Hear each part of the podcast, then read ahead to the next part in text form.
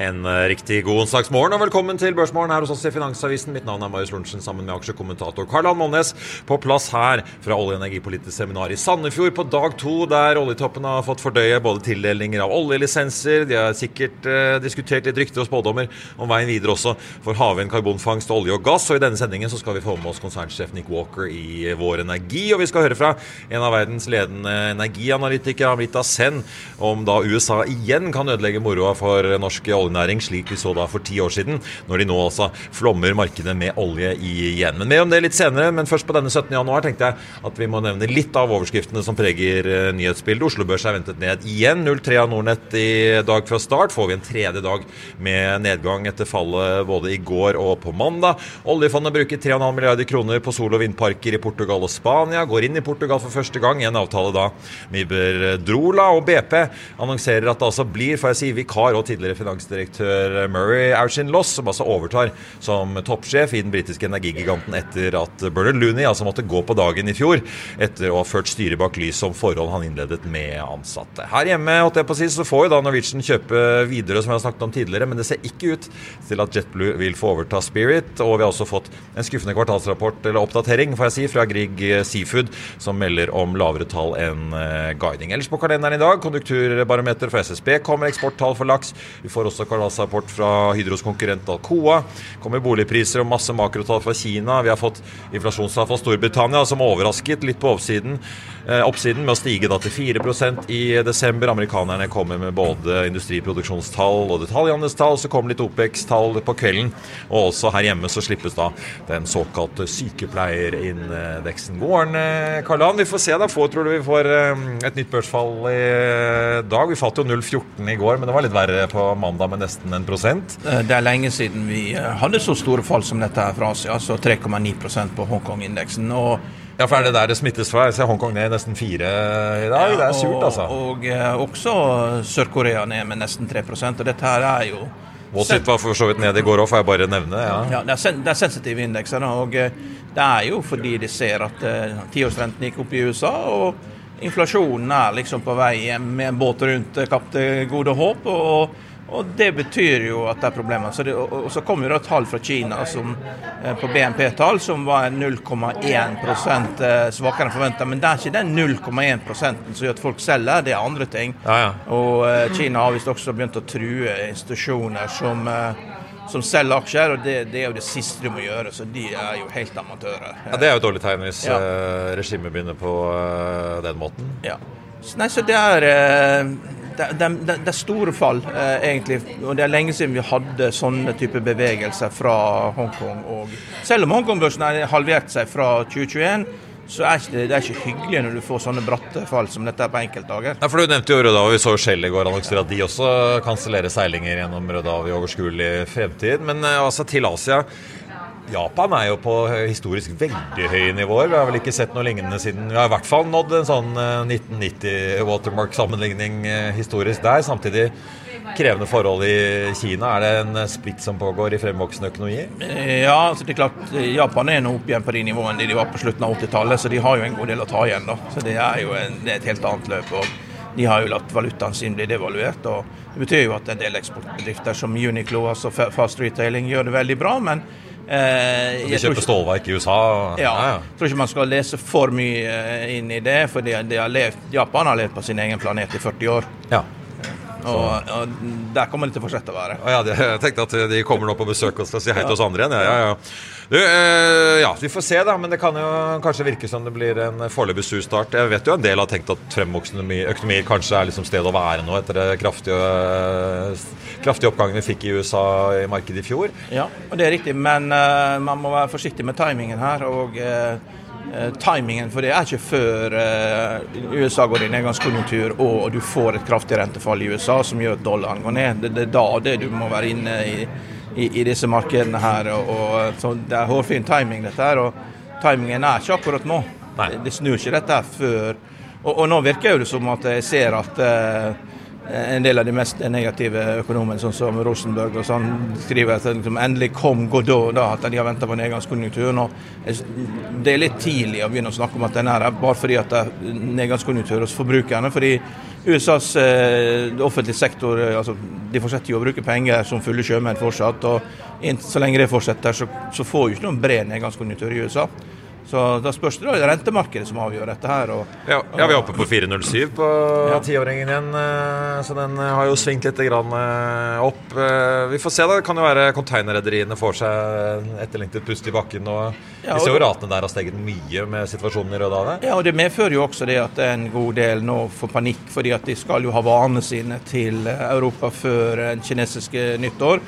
Dermed så får voldsomt løft da i i eh, flyfraktrater, og det var to uker på det. og Det driver jo også inflasjon, da. For du har liksom bare et par uker på det, så er det to uker fri. ikke sant? Så, så det driver jo også dette her. Og det, jo, det, er også noe av det de ser, de som eh, selger Hongkong-børsen ned med 4 og, og, og Cosby i, i Sør-Korea ned med nesten 3% Ja. Jeg tenkte Vi må snakke litt uh, fly uh, også. Boeing og får vi si var i bøtta.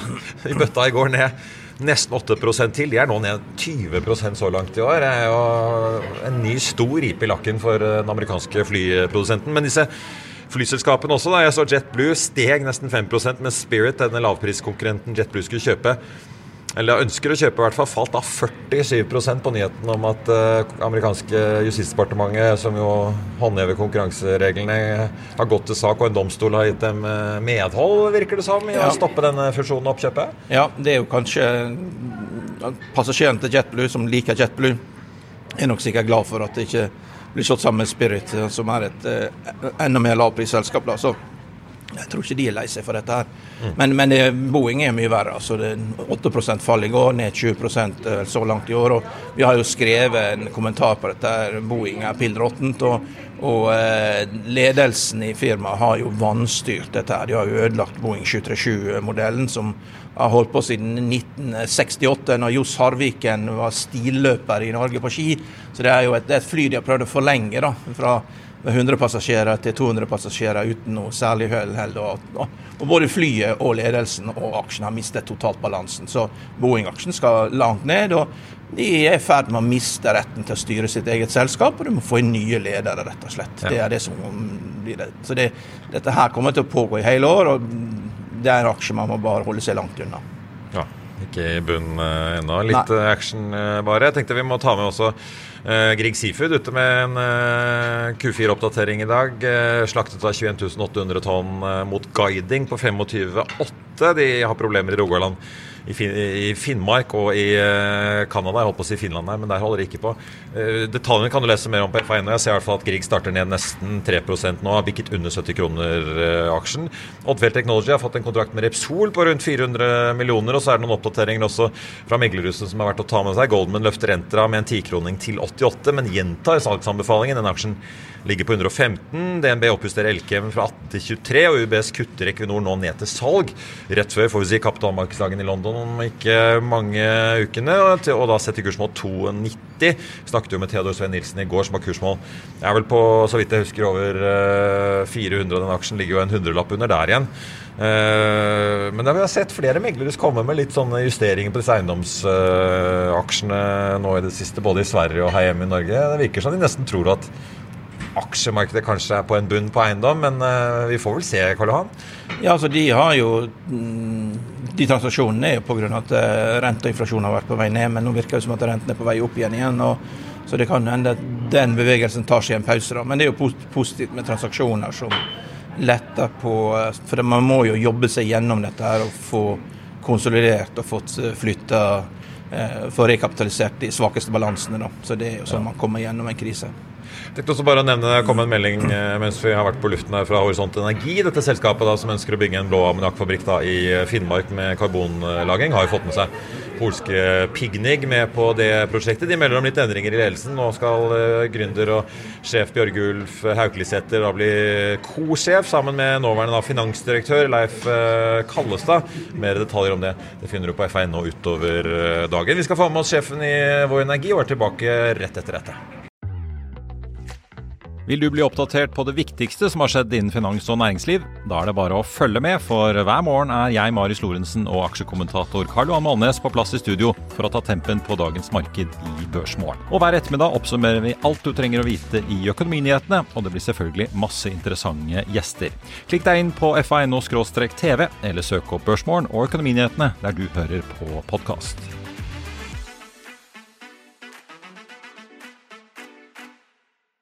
I'll see you in court. Vi sier det ofte litt på spøk, men for deg som driver business, er det aldri moro å innse at du ikke har laget en 100% gyldig kontrakt. Du bør ikke risikere hele firmaet ditt fordi du synes dette med kontrakter er litt stress. En avtale er ikke en avtale. Du kan miste kunder, miste venner, ja, til og med miste inntekter om du ikke lager en skikkelig kontrakt, på alt mulig, egentlig. Men vi vet det er et styr, kopimaskiner, tregprinter og haugevis av papir. Dessuten stoler vi jo på folk her i landet. Det er ofte litt kleint å skulle be om en signatur for alt mulig, ja, for mye av styret handler også om jakten på underskriften. Det finnes en enkel måte å løse dette på, Dukkobit, en trygg, effektiv og get this, gratis måte å sikre seg en god natts søvn pluss en juridisk bindende avtale. Dukkobit-appen har de strengeste sikkerhetskrav i bunn, samt en EU-godkjent og sertifisert teknologi. Framover vil det bli behagelig å spørre du, skal vi skrive under på det, eller? Kom i gang på dukkobit.no. Da skal jeg si uh, velkommen uh, til vår neste gjest på engelsk, får jeg si. Nick Walker, CEO in uh, Vår Thank you for joining us and good morning. Yeah, good morning, Marius. You were announced back in August as the new CEO. You started, I guess, in the fall sometime. You've been uh, at the top now for a few months. Yeah, Yeah? just four months, I think. So, Many people know you back from uh, Lundin, so you've had quite the experience both globally and in uh, the Norwegian oil industry. I wanted to start off with asking you sort of what Vår Energi will be like uh, under your leadership. Do you have any ideas about things you want to change up? I mean, our strategy's not changed. We're focused on, on Norway as an upstream only oil and gas company. Uh, there's lots of opportunity in Norway, and uh, we have a great business. Uh, what I see coming into the company is a great team of people, and uh, company's got great assets, and we're going to double production from current levels to around 400,000 barrels a day by 2025. So we'll be the fastest growing uh, European E&P company. That's not a bad uh, sort of uh, banner to have on your uh, corporate logo. No, no, it's, No? it's a great trajectory. And uh, you said uh, over 400,000 because it used to be over 350,000, but you just acquired uh, Neptune Energy and, and your major shareholder, and you took the European part, but you took the Norwegian part. Yeah. How busy are you now working to integrate this company and, and sort of set up plans on how you're going to um, sort of maximize this uh, acquisition? No, it's a great acquisition. It's uh, you know we get uh, some great assets. Uh, it it adds value and creates growth. Uh, it gives us actually 60 to 70,000 barrels a day flat for, for, for some years, and uh, it's a great addition to the company. And of course, we're going to be able to create. It's a lot of uh, perfect fit, really. There's a lot of overlap of the assets. Uh, and uh, it creates a lot of synergies. And, and, and important, we also get a great team of people because, uh, you know, and, uh, and that's an important aspect. So integrating this, and we'll do it as quickly as we can. There's work for everyone, and, uh, you know, I think we're, we're looking forward to getting uh, uh, the Neptune team into, into to Vår and, uh, and working together as one team to create the value from, from the whole set of assets. Will we see changes in uh, leadership and organization towards the spring, maybe, when you sort of. No, I think it'll be a subtle change, and Yeah. of course we're going to take the best from both organisations uh, to create something that's re- really special and uh, uh, and working forward to create growth and value. How is your appetite now for M&A? We've seen uh, Wintershall Dea just got acquired by Harbour in the UK, so they're coming into uh, the Norwegian continental shelf. We've seen some uh, deals as well, sort of in terms of licenses with the uh, Linnorm deal with Equinor and Shell. How's your appetite and ability to take on new things now if they were to Well, come? of course, uh, you know, Vår's being created through actually when Neptune comes in through four acquisitions, and so there's a lot of appetite and, and desire within the business and the board to do to continue to do things. But of course, it, we have to create value out of it. It's all about you know creating value. It's not about sort of exchanging dollars for barrels. We have to find something that's value accretive, and and, and the Neptune deal does that. It's fantastic. But if we can find more of those, then then we've got the appetite and the capacity, financial capacity to do them. the things are competitive on the NCS? They are, Yeah. and uh, you know, I think the Neptune's a good example of how we Uh, you alluded to it earlier. It's two deals. Uh, I are buying part of the assets, and we buy the Norwegian piece. And I think that opportunity was created by us doing those two deals in, in parallel. And and you know who, who knows what we can find to do going forward. At least on the outside, it seems like you have a good uh, connection with Milan then, since you coordinated this deal together uh, with Eni.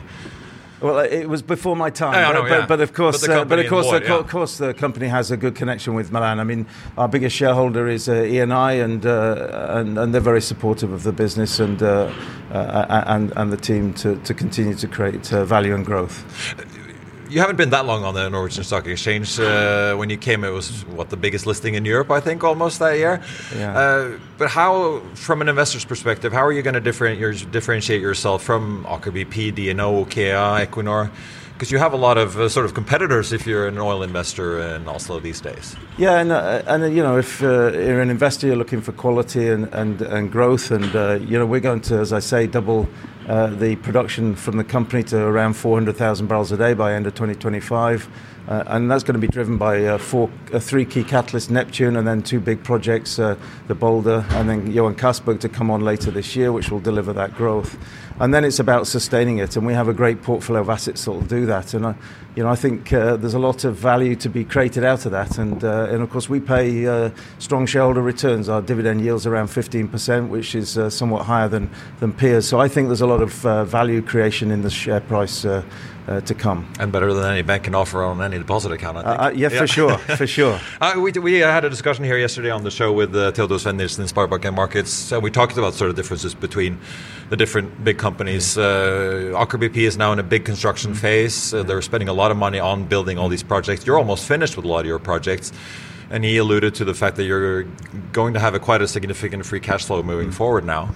Um, can you talk about how, what your plans are now moving beyond the Breidablikk and all the projects and the Jotun Balder X that you have uh, sort of almost completed now? Yeah, we're, we're somewhat ahead of some of the peers. So many of our projects have come online, and by the end of the year, pretty well all of our projects will be online, and and that drives the production growth to 400,000 barrels a day. But also our capital drops off very quickly, and as you allude to, we generate a lot of uh, cash. And uh, but if we look forward, uh, people see the, the, the reserves that we've we've have on the books of 1.3 billion barrels, but but actually we have uh, a lot more than that uh, as value in the company. We have 700 million barrels of, of uh, discovered resource with no clear plans to develop, and we need to move that forward and create projects and value out of that as quickly as possible. We also have uh, a very significant exploration portfolio. I'm really excited coming into the company to You see got the some quality. licenses here yesterday, yeah? Yeah, of course, and and we have uh, we have a really exciting uh, exploration portfolio, around a billion barrels of net risk resource, and we're going to ramp up our exploration uh, activity. Uh, uh, this year will be roughly double uh, the number of wells we're involved in last year, and we, as as you said, we, we got some extra acreage yesterday. We were very pleased with what we got, and again, it creates more opportunity for us. And so we're going, you know, looking forward. You know, now we're getting our projects online. It's about exploiting the remaining opportunities in the portfolio, which are very significant. But what sets the pace now for your project portfolio? Is it your internal capacity to mature these projects towards sanctioning, or are you sort of waiting for suppliers like Aibel, Aker Solutions, and, and No, it's about- engineering companies to actually have available capacity because they seem quite occupied these days? Yeah, it's a good point. I, I think we're going to be able, you know, we're going to reach 400,000 barrels a day at the end of 25. We'll stay there a couple of years. And the ambition is to sustain at roughly those sort of levels going forward. And I think we have the portfolio can do it. So we need to bring projects in that meet that time frame, which is going to be the time when the market actually needs new projects and, and the suppliers uh, are hungry for new activity. So I think it fits really perfectly. So for us, it's about moving this forward quickly, and, uh, and I'm pushing in the organization more quicker. And, uh, and that's what we're focused on. And I'm sure some of the suppliers are keen to sign some contracts uh, with you in a few years. Just last thing I want to touch on are these licenses. You got some new new ones yesterday. The government and the minister who we talked to yesterday are quite keen that the oil industry explores more in the Barents Sea, in the Norwegian Sea, and also in areas that aren't that you know well explored from before. Uh, you've been in the Barents for a long time, unlike other companies who've sort of pulled back. Obviously, Goliath, and you're part of uh, Johan Castberg as well. But we also saw yesterday that you're pointing out that you're actually trying now to go further west in the Barents Sea to explore new uh, potential. Uh, are you a little more daring now in your exploration strategy, willing to spend more capital on high risk but also potentially high worth uh, prospects? Yeah, no, I mean, Barents is incredibly important to us. It's about a third of our, our, reserve base up there. We're involved in all of the production and development that's going on. We're actually the biggest acreage holder for exploration in the Barents, and we've committed to a rig for a, couple of years. So we've got a big commitment to drill wells there. We're going to drill five wells in the Barents this year. Some of it's focused around our existing hubs, of production hubs, but of course we're, we're exploring for gas both on the on the east side near our Lupa discovery last year uh, and also on the west. So very exciting exploration opportunities. A range of things from smaller tie-ins to the existing facilities, but to some larger prospects. So I'm looking forward to seeing the results from that. And are you hoping that maybe in the future we'll see a gas pipeline up further from Aasta Hansteen, uh, where it stops now, and, and pulled up to the Barents Sea? To consider new gas potential? I think first of all we need to find more gas and uh, and, and reach the threshold that we can commercialise it, and then I think how it's commercialised. There's choices: uh, expansion of LNG or gas pipeline, and I think value has to drive the outcome. And uh, and we're pushing.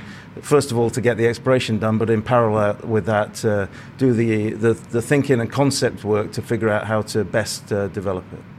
Nick Walker, CEO in uh, Vår Energi, thank you so much for uh, joining us. Enjoy the rest of the conference, and we'll see if uh, we all get home in this uh, snowy uh, weather. Eh? Da står jeg her uh, på Sandefjordskonferansen med en av de ledende energi- og oljeanalytikerne her i verden. Uh, Amrita Sen, uh, head of, head of anal analysis at Energy Aspects and one of the founders.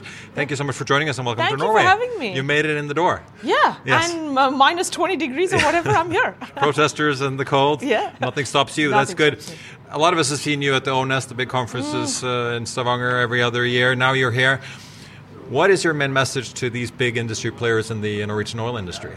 I think Norway is doing a fantastic job in actually straddling both the oil and gas industry and renewables or just all forms of uh, new energy. But I also think Norway is an exception in Europe. I think a lot of European countries and policymakers have a lot to learn in terms of if you are to keep industry going and not have unemployment skyrocket in a few years' time, you need to increase the competitiveness, and oil and gas plays a huge role, especially given we don't have Russian energy now available very cheaply in Europe.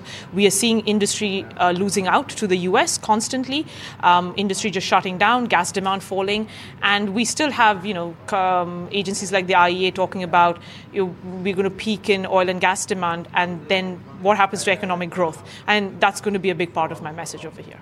I've asked these executives are you noticing any sort of sustained increase in interest uh, for the Norwegian continental shelf, increased investor interest, increased appetite from banks or others to actually employ capital in Norway? What are, what are you seeing? Are you seeing any sort of real consequences from the Ukraine invasion and the energy crisis in Europe? I think there's definitely a shift, a subtle shift. I don't see ESG at the center of every conversation anymore. Even two years ago, like every presentation, any CEO's presentation started with ESG, ended with ESG. Now there's a lot more realism that's uh, coming in, saying, okay, yes, we need to become cleaner uh, but we also need to keep the lights on. So it's not a full fledged shift, and I think there's a lot of work Europe in particular still needs to do. Asia has gone the other way. It's kind of pretty much said, we're going to go back to coal, which overall for the world is actually much worse. And I think that's one of the biggest challenges Europe has is to kind of say, we're going to take you on this path, but also make sure that you grow economically as well.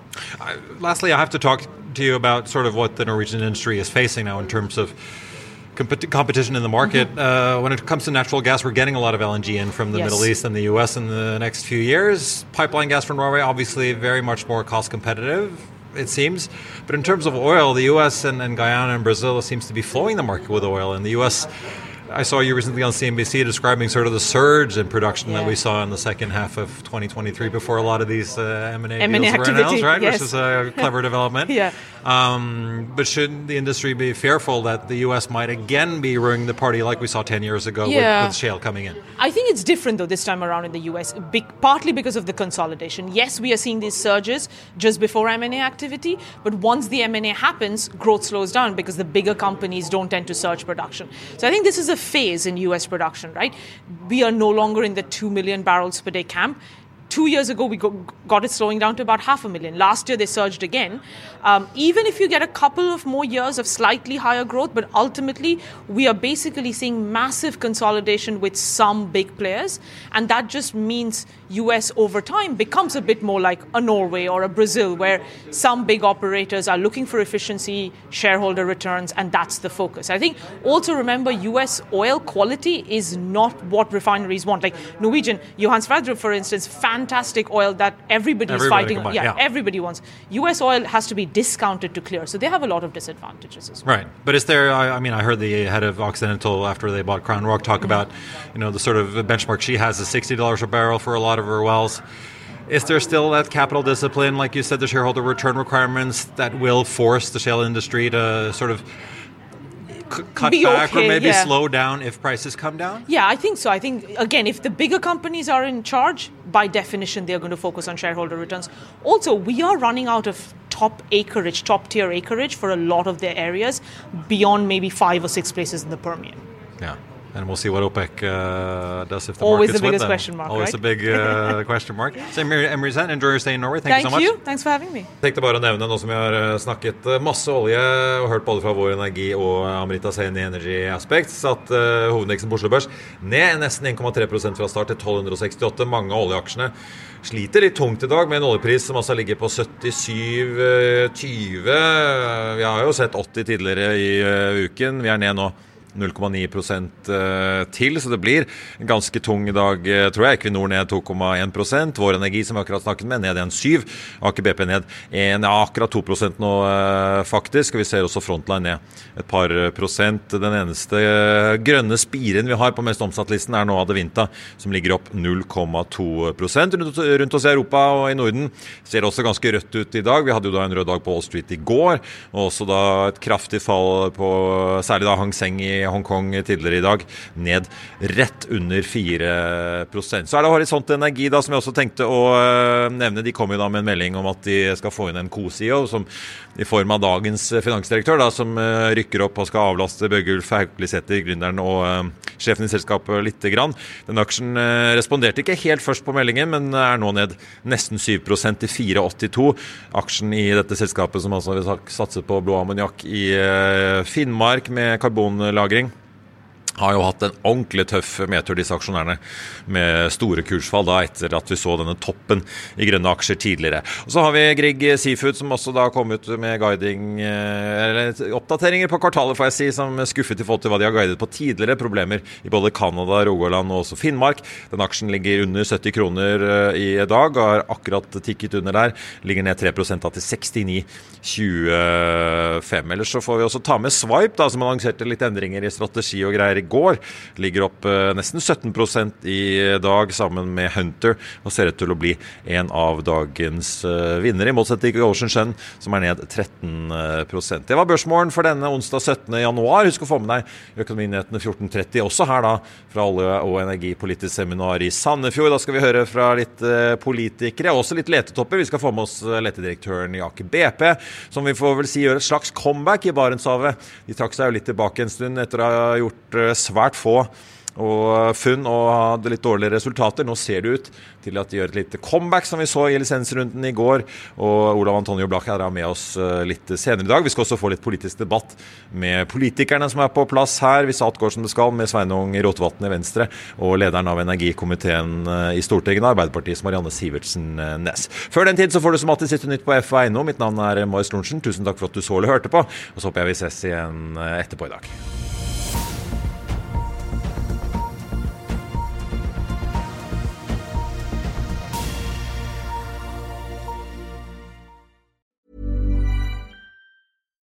As humans, we're naturally driven by the search for better. But when it comes to hiring, the best way to search for a candidate isn't to search at all. Don't search, match with Indeed. When I was looking to hire someone, it was so slow and overwhelming. I wish I had used Indeed. If you need to hire, you need Indeed. Indeed is your matching and hiring platform with over 350 million global monthly visitors, according to Indeed data, and a matching engine that helps you find quality candidates fast. Ditch the busy work. Use Indeed for scheduling, screening, and messaging so you can connect with candidates faster. And Indeed doesn't just help you hire faster. 93% of employers agree Indeed delivers the highest quality matches compared to other job sites, according to a recent Indeed survey. And listeners of this show will get a $75 sponsored job credit to get your jobs more visibility at Indeed.com slash podcast. That's Indeed.com slash podcast. Terms and conditions apply.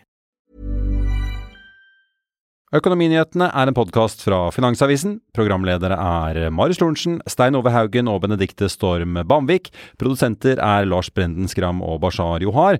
Og ansvarlig redaktør er Trygve Hegnar.